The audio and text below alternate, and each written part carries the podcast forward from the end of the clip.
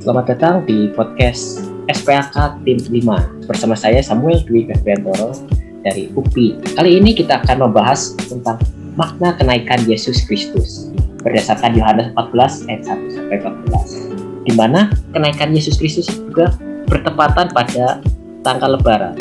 Sebelumnya kita kedatangan tamu, tamu yaitu ada perkenalkan Bang Sato. Nama saya uh, Pikar Pendeta. Oh, Pendeta Susanto Marpaung STH. Sekarang udah di dunia pelayanan gereja. oh, Saya jadi saya melayani di gereja Protestan. Gereja Pro- Protestan yang di mana dinamai Gereja Kuliah Kristen Indonesia Protestan.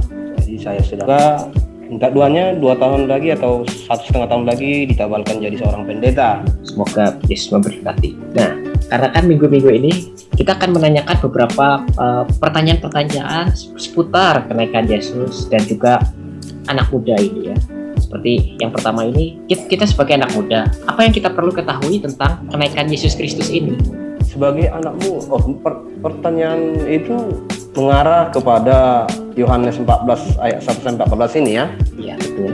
inilah nah, inilah kita buat sebagai dasar untuk menjawab itu kan? Yang pertama dikatakan apa yang perlu diketahui oleh anak muda? Yang pertama dikatakan di situ percayalah kepada Allah dan percayalah kepadaku di ayat 1 nah itu yang harus diketahui oleh pemuda bahwa kenaikan Yesus dia di situ ialah posisinya sebagai anak Allah. Harus percaya bahwa Yesus ialah anak Allah. Itu yang pertama dia katakan jangan gelisah hatimu percayalah kepada Allah dan percayalah kepadaku. Bahwa ketika iman kita percaya bahwa Yesus adalah anak Allah nah itulah yang harus diketahui oleh pemuda zaman sekarang. Seringkali anak muda zaman sekarang sudah terlarut dengan perkembangan globalisasi, perkembangan zaman sehingga mentuhankan teknologi, mentuhankan handphonenya sehingga kepercayaan kepada Allah bisa dikatakan berkurang percaya kepada Yesus bisa dikatakan berkurang ketika dia tentunya mengalami suatu musibah, pencobaan, sukacita itu bisa membuat dia tidak percaya bahkan sudahlah hidup yang gini-gini saja. Itulah menandakan bahwa kenaikan Tuhan Yesus Kristus dia di situ ialah anak Allah yang telah menjadi manusia. Maka percaya kepada dia, percaya juga kepada Allah. Dan juga yang patut harus diketahui anak muda satu lagi adalah jangan gelisah sebab Yesus naik menyediakan tempat bagimu, bagi kita, ya kan? Iya, Kalau betul. kita baca kalau kita baca di ayat itu semuanya, dia naik untuk menyiapkan tempat untuk kita. Bahwa anak muda, tempat kita telah dipersiapkan di, tang- di tangan kanan Allah. Nah, tergantung kita sekarang bagaimana memaknai kenaikan Yesus Kristus. Baiklah, ternyata yang kita perlu ketahui adalah percaya bahwa Yesus Kristus adalah anak Allah. Kan karena kita kan apa tahun ini berdekatan apa dengan Lebaran, seberapa pentingkah memperingati kenaikan Yesus Kristus itu? Ya, sungguh sangat bersu- bersuka cita memang orang Kristen saat ini di mana pas dikenaikan juga melaya, merayakan Lebaran Idul Fitri, ya kan?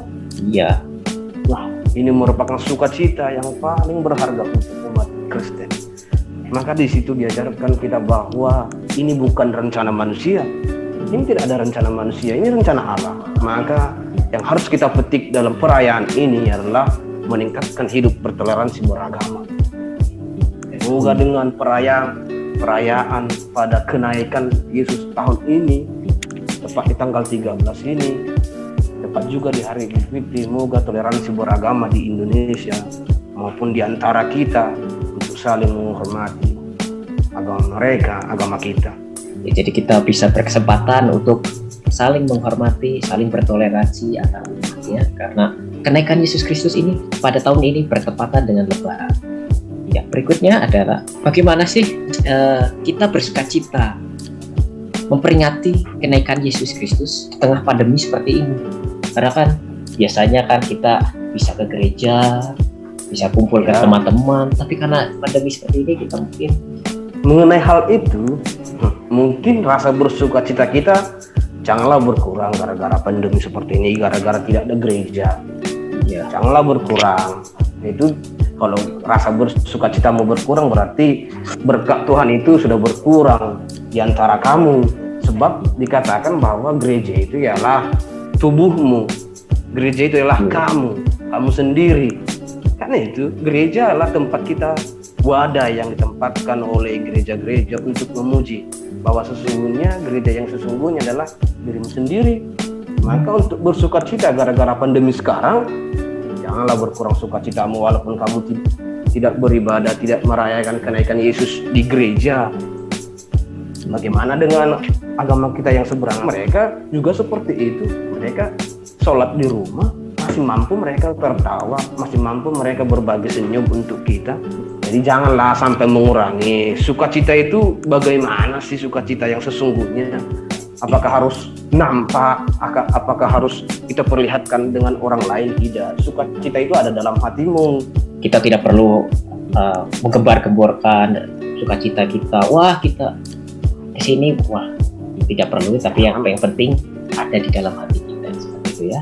Nah juga ini ada juga masalah tentang orang-orang muda seperti ini apakah peringatan seperti ini mampu nggak mempertahankan kerohanian kita?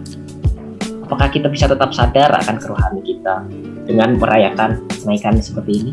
Karena kan anak muda yang ya cuma ikut-ikutan ke gereja, ya cuma cuma ikut-ikutan happy-happy doang. Apakah yang harus kita membuat? Apakah peringatan ini membuat kita sadar akan kebutuhan rohani? Simpelnya pertanyaannya. Ya betul intinya begini kenaikan Tuhan Yesus itu sudah lama sekarang cuma peringatannya itu kan? Sekarang cuma kita bukanlah perayaannya jadi kebutuhan rohani walaupun sebelum kenaikan Tuhan Yesus haruslah kita penuhi. Sebagai kaum pemuda kaum muda haruslah mempunyai dampak dampak kenaikan Tuhan Yesus ini kepada rohanimu rohani kita. Dan sadar bahwa kebutuhan rohani sangatlah penting.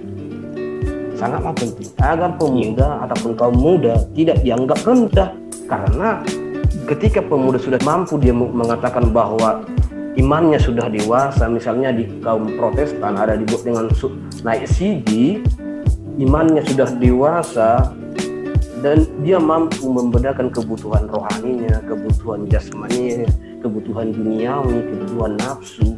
Nah, itulah Jadi harus memang kenaikan Tuhan Yesus Kristus ini harus membuat kita lebih membutuhkan kebutuhan rohani daripada kebutuhan-kebutuhan duniawi agar kaum pemuda tidak dianggap rendah karena sudah dewasa dalam hal iman tertulis dalam 1 Timotius 4 ayat 12 janganlah menganggap kamu rendah sebab kamu masih muda tetapi jadilah teladan di perkataanmu, di perbuatanmu, di kesucianmu, di tingkah lakumu itu yang ditawarkan Yesus. Itulah kebutuhan rohani untuk setiap pemuda. Bekal imanmu, bekal kebutuhan rohanimu. Jangan ragu berkat-berkat untuk setiap rencana-rencana yang diberikan oleh Tuhan, yang dijanjikan oleh Tuhan itu akan ditepati. Jadi jangan ragu akan apa yang dijanjikan oleh Tuhan sehingga ya. kebutuhan rohanimu akan terus terjaga begitu ya. Nah, Yesus naik ke surga. Dia menyatakan berjanji akan memberikan penolong bagi umatnya berupa Roh Kudus. Ya, Roh Kudus atau Roh penghibur. Nah, bagaimana cara kerja Roh Kudus di saat pandemi seperti ini? Dan ya. kalau boleh ceritakan pengalaman. Roh Tuhan ketika dia naik ke surga, dia ya. memberikan penolong untuk murid-muridnya, untuk setiap orang yang percaya kepadanya yaitu Roh penghibur ataupun Roh Kudus, ya kan? ya. yang dijanjikan oleh Yesus untuk menemani manusia sebagai orang percaya. Jadi konsepnya jangan tanyakan bagaimana cara kerja Roh Kudus. Sebab Roh Kudus tidak tidak terlihat. Roh Kudus itu ada dalam dirimu, tidak kamu lihat. Tetapi tanya hidupmu apakah sudah dipenuhi oleh Roh Kudus atau sudah hidup dalam terang sesungguhnya yang sudah percaya pada Yesus, maka ketika kamu dipenuhi Roh Kudus hidupmu sudah sesuai dengan alur-alur sebagai jalan yang diberikan oleh Yesus, percayalah, ketika pandemi sekarang, Roh Kudus tetap memegang tanganmu. Dia akan menghiburmu dan harus kita mempunyai mindset yang baru. Ada enggak? Jangan selalu kita menyalahkan pandemi-pandemi ini. Kita ambil ada sisi-sisi positifnya? Di mana sebelum pandemi orang-orang belum jarang ke gereja. Orang-orang merasakan bagaimana beribadah di rumah beribadah dengan anak-anaknya menjadikan dia ayahnya sebagai guru sekolah minggu untuk anak-anaknya itu merupakan beberapa dampak-dampak untuk hal kekristenan. Tanya dulu, apakah hidup pun sudah dipenuhi oleh Roh Kudus? Iya. Sudahkah engkau mengikuti jalur-jalurnya? Jangan selalu kita memandang hal negatif negatif tentang COVID. Terus Yesus naik ke surga dan meninggalkan damai sejahtera di bumi. Yohanes 14 ayat 20 sampai 27 dan juga jika kita baca ayat pedoman kita tadi. Yesus meninggalkan damai sejahtera di bumi untuk setiap manusia-manusia yang percaya kepadanya, kepada murid-murid Yesus. Jadi tidak seberapa COVID ini, itu melampaui damai sejahtera yang diberikan oleh Yesus. Bisa kita bernapas sekarang, sedangkan bernapas saja itu bukan berkat daripada Tuhan, anugerah Tuhan. Masa COVID itu nggak bisa dijauhkan oleh Tuhan daripada kita, nggak bisa dihilangkan daripada kita? rancangan damai sejahtera yang diberikan Tuhan. Atau dengan sukacita penuh dengan sukacita. Maka supaya penuh atau tinggal roh kudus itu supaya engkau memilikinya tetaplah rendah hati. Miliki sifat-sifat rendah hati yang tertulis di Filipi 2 ayat 1 sampai banyak dikatakan di situ janganlah engkau sombong terhadap sesamamu. Supaya roh kudus supaya sukacita penuh. Supaya roh kudus menolongmu jangan engkau memikirkan dirimu sendiri pikirkan tetangga-tetanggamu bisa secara ekonomi kita dituntut untuk memberikan apa yang ada pada kita untuk berbagi kepada korban-korban. Ya, mungkin itu sisi positif dari zaman sekarang ini, pandemi ini, itu yang mungkin bisa saya katakan, saya utarakan melalui bagaimana penolong Roh Kudus ketika di COVID atau pandemi sekarang. Ternyata kita jangan memandang negatif terus. Kita terus bisa melakukan hal yang lain dan ternyata lebih banyak sukacita dan dampak positifnya. Ya. Seharusnya itu sebagai orang Kristen, lagi kaum muda kan, pilar-pilar gereja. Kita yang menggantikan orang-orang itu berkhotbah nantinya, kita yang menggantikan orang-orang itu bermain musik di gereja. Kalau bukan kaum muda, siapa lagi nanti ya? Siapa lagi? Nggak mungkin lagi orang itu yang udah tua dipaksakan dirinya mana mampu gitu kan? Iya betul. nah, masalah karena teknologi terlalu terlalu cepat kadang kita selalu malas menanti. Nah ah. bagaimanakah apa kenaikan Yesus ini bisa membuat kita sabar menantikan kedatangan Yesus Kristus? Ya, itulah memang kaum muda inginnya cepat-cepat. Iya paling paling sukar menanti ya. Tapi tertarik juga dengan hal ini. Bagaimana caranya tetap bersabar menanti karena seperti yang kita ketahui sendiri menanti atau yang menunggu adalah paling tidak disukai oleh pemuda kalau pemuda iya. tapi yang perlu kita ketahui yang pertama jangan kita menjudge semua kaum pemuda ya. Nggak semua. Iya pada umumnya maksudnya pada umum pada umumnya ya kan? Iya. Bahkan satu persen saja pemuda yang menunggu harus kita hargai jangan kita menjudge semua. Ya memang sifat menunggu pada kaum pemuda sangatlah. Ya saya sendiri juga mengalami hal seperti saya juga. Masih pemuda masih 24 tahun. Iya. Masih saya alami. Tetapi ketika saya bergumul ketika saya menerima Yesus Kristus ketika saya mendalami hubungan imannya itu saya yang dikatakan, dikatakan menunggu untuk hal duniawi ya memang akan akan ada seperti itu kebosanan. Tetapi yang kita nanti ya kan ya kan rencana Tuhan yang terbaik untuk kita kedatangannya kedua kali dan akan terjadi kedatangan Yesus kembali. Itu saya rasa untuk penantian kekalnya itu tidak penantian di dunia tidak menunggu seperti datangnya kiriman kita dari kampung sana kiriman dari orang tua sebagai anak-anak yang sedang kuliah tidak. Iya. tapi kita menantikan hidup yang baru yang diberikan oleh Allah. Jadi ngapain saya ragu dengan hal itu? Dengan kuasa-kuasa yang diberikan oleh Allah berkat-berkatnya itu. Asalkan hidup saya dipenuhi dengan roh daripada Allah jika hidup dipenuhi oleh perkataan daripada Tuhan apalagi anak muda tidak akan ada batas. Pada pemuda tidak ada akan ada batas menanti. Apalagi menanti kuasa Tuhan itu pasti akan ditepati dan akan terjadi. Waktu bisa berubah waktu bisa mengubah tetapi kesabaranmu untuk Tuhan janganlah berubah. Kita kan mau muda terus menanti bahkan beberapa menit aja udah oh oh lama. Nah